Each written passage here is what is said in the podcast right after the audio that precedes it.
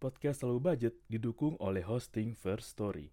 First Story adalah platform hosting yang lengkap, praktis, dan mudah digunakan untuk membuat, mendistribusikan, dan mengelola podcast kamu. First Story 100% gratis.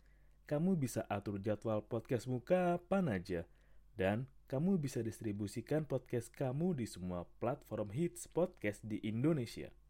First Story punya fitur keren yang bisa membuat kamu lebih dekat dengan pendengar kamu loh. Sudah penasaran belum sama First Story? Eits, ada lagi nih. Dengan First Story Ads, kamu bisa monetisasi podcast kamu juga. Menarik bukan? Gapai potensi maksimal podcastmu dengan tools dari platform hosting terbaik untuk para podcaster. Daftar sekarang di First Story. Mari bawa mimpi podcastingmu menjadi kenyataan.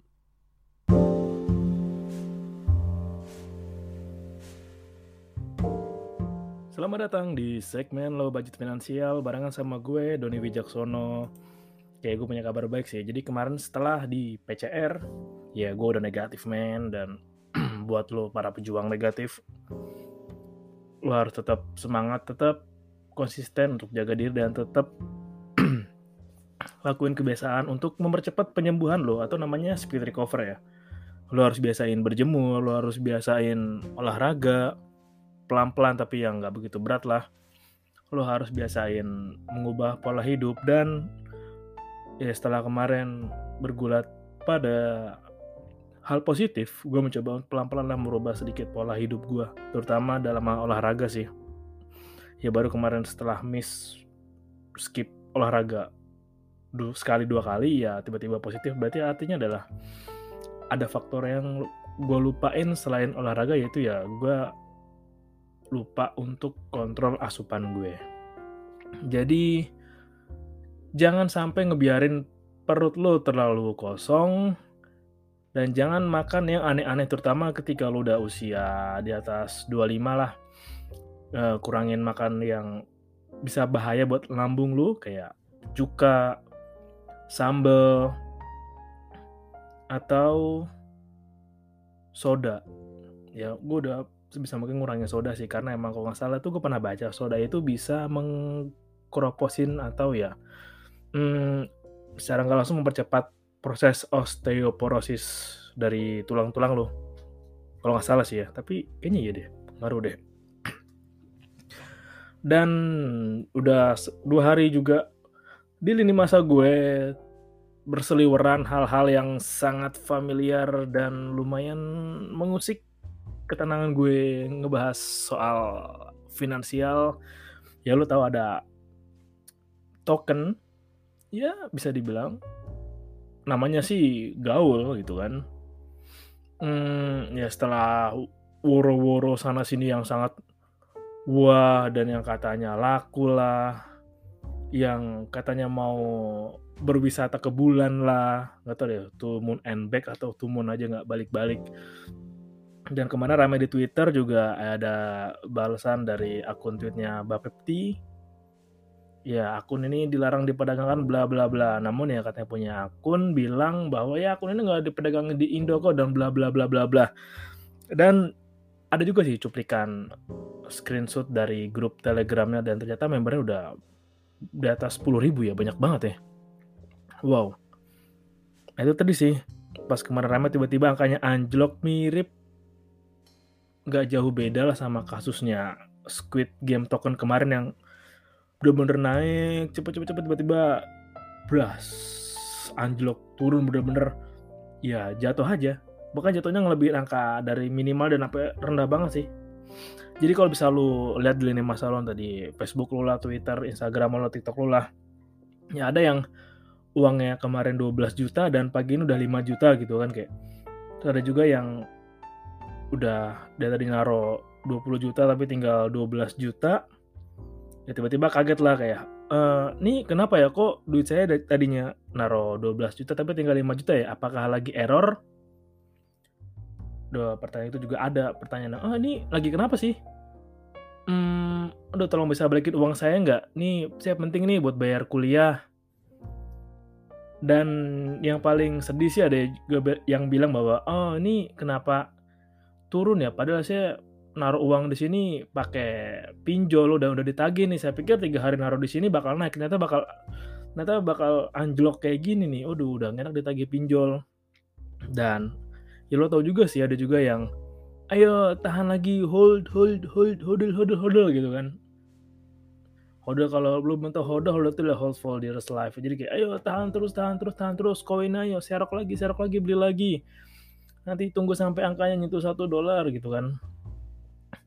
Terus ada yang sabar oh sabar nih. Ya nanti juga angkanya bakal naik lagi kok. Terus yang paling gila adalah ada yang nyaranin bahwa oh udah ayo dong. Apa namanya? Ayo dong yang eh beli lagi beli lagi kalau nggak punya duit ya udah gade aja rumahnya. Yang nggak punya duit ayo pinjam tetangga. Ayo jual rumah jual mobil. Ayo pinjam aja dipinjol dijamin untung kok gitu kan kayak what the fuck man? Kayak lu siapa menyarankan untuk melakukan hal-hal gila kayak gitu yang jadi kembali lagi sih ketika lo kembali cari tahu soal kripto kan pada dasarnya kan digunaannya ya sebagai ya lo nggak percaya dengan pemerintah lo bikin mata uang lo sendiri. Dan setahu gue kripto itu juga punya underlying sih. Jadi dibikinnya jelas atau dasar apa dan ada fungsinya jadi kalau emang lo mau narok di token yang ya hanya ada aja bukan atau belum dipakai buat fungsi itu emang gariskan sih.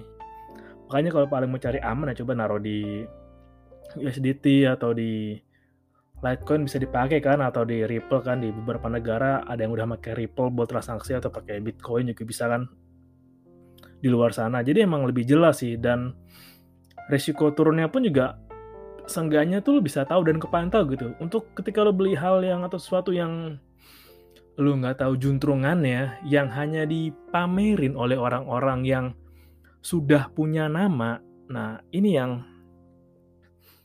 bahaya banget sih, bahaya banget. Jadi banyak banget masyarakat kita yang masih mempercayakan keuangannya atau finansialnya dari saran orang atau dari orang-orang yang bahkan nggak mengenal para pengikutnya itu seperti apa secara personal. Jangan emang ketika lo udah belajar dan pelan-pelan bertanggung jawab terhadap finansial lo, lo juga pelan-pelan pasti akan menyadari bahwa oh ternyata nih gue pengeluaran gue banyak di area misalkan entertain nih, oh ternyata pengeluaran gue masih banyak kan di operasional nih, oh, ternyata keuangan gue keuangan gue bocor untuk jajan perintilan ketika gue lagi kuliah, lagi kerja. Itu sih, jadi lu bakal mengenal. Dan ketika lu mempercayakan keuangan lu terhadap orang yang lu, lu sokap, lu aja nggak tahu gue gimana, dan lu nyaran, ayo dong beli, beli, beli token gue, beli token gue. Kita bakal untung, kita bakal ke bulan rame-rame. Eh, bulan apa? Oh, ke bulan mana lu? Bulan kiamat. Dan emang sih edukasi finansial emang Hmm, gue juga mulai sedikit ngerasain dan mulai sedikit memahami bahwa ketika emang lo semakin bertambah usia dan lo pasti udah pelan-pelan malas untuk belajar sesuatu yang baru. Jadi makanya kayak ya kebanyakan korbannya orang-orang yang udah tua kan, ibu-ibu lah. Karena emang ya udah emang ibu sempat belajar soal finansial kayak penting nih belajar saham nih kayak lu bayangin kayak misalkan nyokap lu masih belajar saham kayak oh jadi kalau beli saham tuh lihat dulu laporannya keuangannya gimana ya neracanya gimana laba ruginya gimana. Coba lihat historisnya coba lihat pemegang sahamnya siapa. Ya kan ibu-ibu rumah tangga itu fokus di rumah tangga fokus mendidik lo menjaga untuk rumah tangga tetap aman. Dan yang mereka pikirin ya ya gimana cara deh uh, apa keuangan bisa tetap aman dan bisa tetap ada pegangan nih seumpama jika ada apa-apa gitu uh, sama anak suami gue ya gue ada tabungan lah sehingga tabungan gue bisa nambah lah. Kan pemikiran hanya sampai di situ rata-rata. Dan kalau emang lo mau belajar finansial emang baiknya emang dari muda nggak nggak pas lo udah mulai belajar belajar pensiun masih bisa. Cuman momentumnya udah kayak lewat aja gitu. Jadi emang diincar sama orang-orang yang dan bahkan yang diincar adalah orang-orang yang ngefans sama sosok itu. Ya iya sih di kita juga masyarakatnya masih banyak menganut yang namanya tuh, mmm, gue justru kata-katanya dulu, kayak ini loh, kayak mengagungkan tokoh, jadi kayak mengidolakan tokoh lah, pokoknya ketika ada orang-orang yang mengagumi A, pokoknya A nggak pernah salah deh, tindak tanduknya A itu yang paling bener. Pokoknya harus diikutin, titahnya tuh harus diikutin gitu. Jadi emang nggak bisa lepas dari histori kita sendiri yang banyak kerajaan di mana kan ya ketika ada apa-apa pasti lebih manut ke kerajanya, ke pemimpinnya, ke datuknya atau ke yang dituakannya atau tokohnya. Jadi emang udah kebiasaan dan kebiasaan ini yang bisa jadi dimanfaatin oleh beberapa orang untuk mengeruk keuntungan demi keinginan pribadi dan kelompoknya dan itu yang bahaya sih. Kita tahu sendiri kan bagaimana emang ya pelan-pelan pun jarak generasi tua dan muda udah mulai kelihatan lah. Karena kan emang yang tadinya anak-anak dulu tiba-tiba udah mulai dewasa udah mulai belajar bertanggung jawab terhadap diri mereka. Dan untuk orang-orang itu juga mulai nyiapin masa tua mereka, anak mereka udah mulai besar, jadi mereka harus punya sesuatu yang bisa menjamin masa pensiun mereka. Jadi kembali ke soal token tadi, buat lo yang nyaranin, ayo udah invest aja, jual aja tanahnya, gade aja rumahnya, ayo pinjam aja pinjol buat beli token itu, lo kontol. Atau kontol nggak manfaatkan kegoblokan orang. Dan gue paling gak suka orang kayak gitu. Ya, jujur aja karena emang ya kasihan sih karena nyari uang itu kan nggak kayak mereka yang ya modal-modal kalau zaman sekarang gitu kan kayak oh bisa jadi modal afiliatornya yang lagi rame kan. Yang kelihatan wah wah wah. Padahal ya ya kalau tokoh nyata jangan-jangan nggak kayak gitu lagi. Mereka hanya disiapkan untuk seperti itu aja di luarnya. Kita nggak pernah tahu kan dalamnya gimana. Jadi intinya hanya masyarakat lagi yang rugi, masyarakat banyak lagi. Dan kalau udah gini ujung-ujungnya cuma nyalahin pemerintah. Karena emang ya penanganan untuk hal kayak gini tuh belum optimal dan kembali lagi untuk orang-orang yang nyari duitnya itu emang gak gampang bisa. Jadi yang udah ditaruh di toko itu adalah uang-uang dari hasil penjualan warisan atau misalkan benar-benar ada yang bener gade rumah atau jual mobilnya atau bisa jadi malah gadein sertifikat yang dipunya kita nggak pernah tahu kan dari mana uang itu berasal. Yang penting kan bandar cuan bos jual toko nama udah ada nih ayo beli yuk beli yuk. Dan yang takutnya adalah ketika udah turun tuh naiknya lama banget. Kalau naik ya dan itu bukan sesuatu yang bisa lu kontrol. Dan untuk orang-orang yang naruh di sana juga masih nyebutnya main kripto. Namanya main kripto.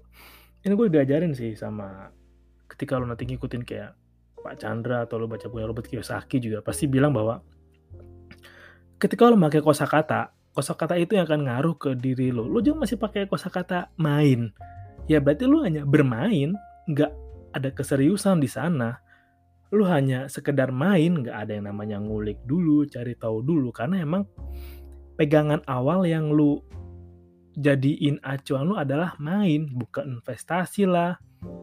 Gitu kan, bukan diversifikasi lah.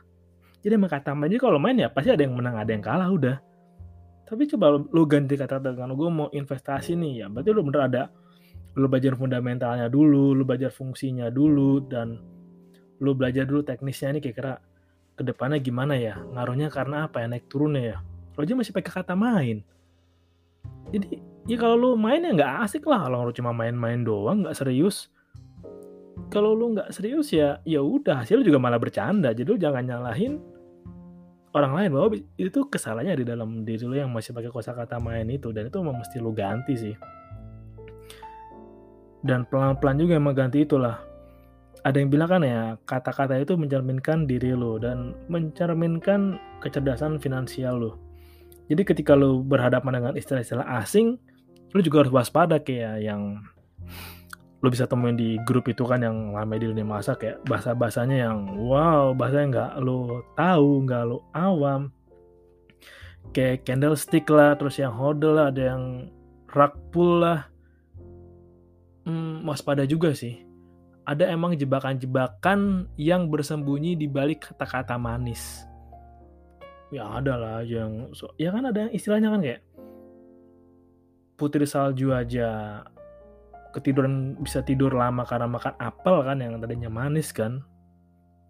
Jadi emang masih waspada dengan kosakata makanya kayak upgrade kosakata lo biar lo nggak gampang dibohongin juga. Dan yang penting adalah jangan narok tanggung jawab finansial lo ke orang lain. Jadi jangan biarin keputusan orang lain itu mempengaruhi keputusan lo terhadap finansial lo makanya kayak kemarin sempet rame juga kan ada influencer yang ayo beli saham ini gitu. Ayo beli saham itu.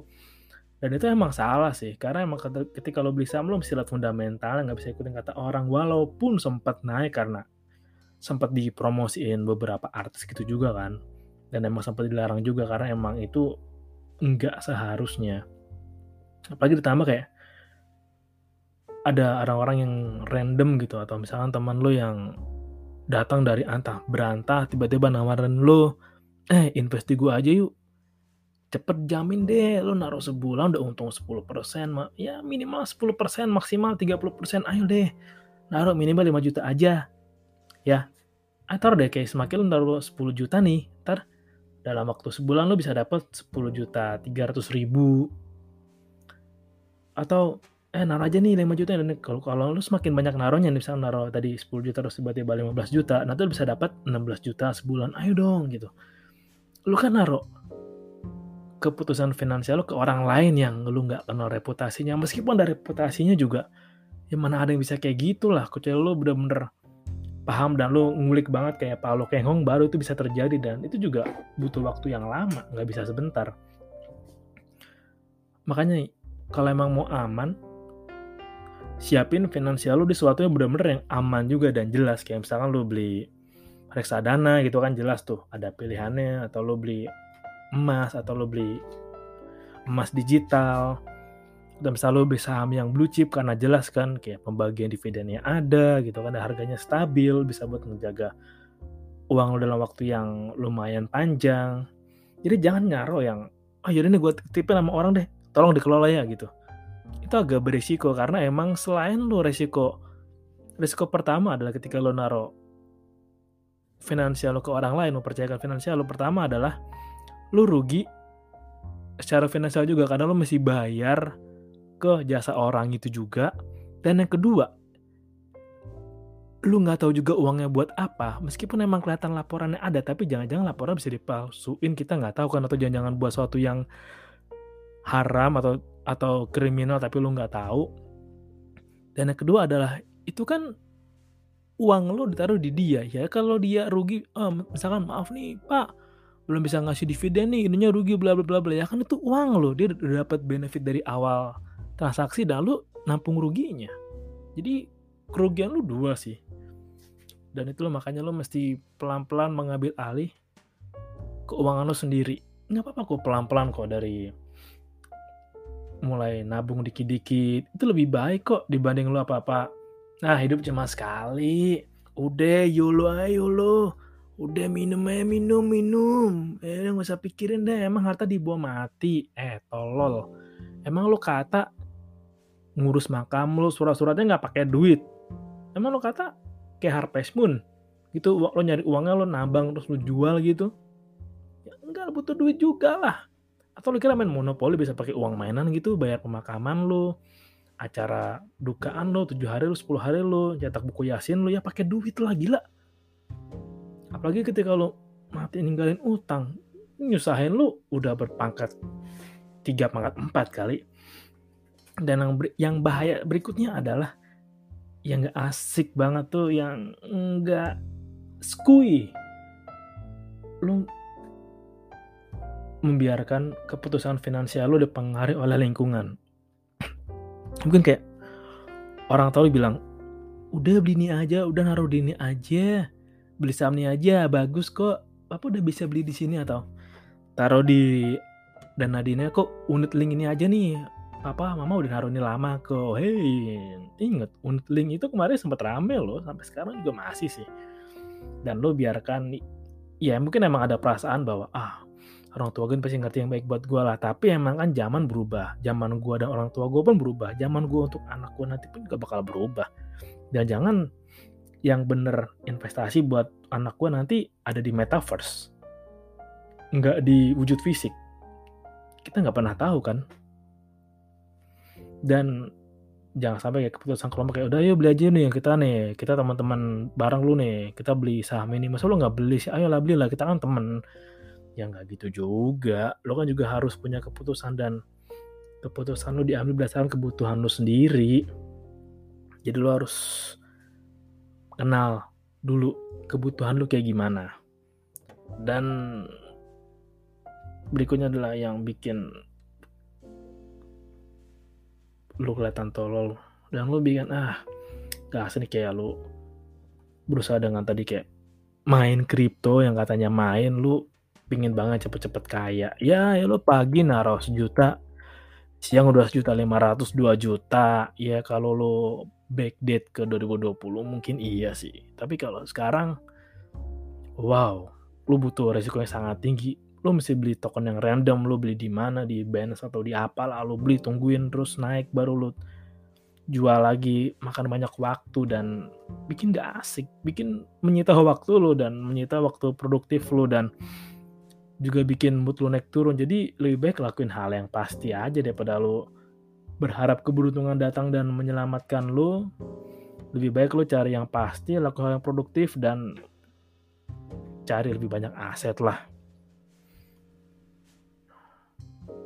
Wow, tapi tetap tadi sih pembelajaran dari gue adalah jangan kepengaruh kata orang, jangan terbawa juga oleh lingkungan, jangan naruh tanggung jawab finansial lo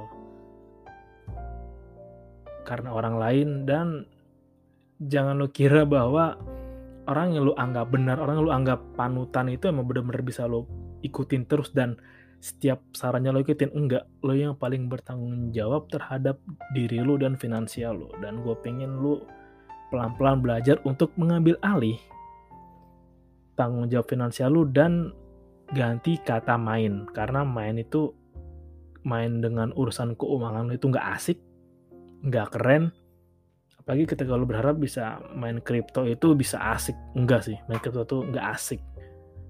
Kalau hanya main di sana.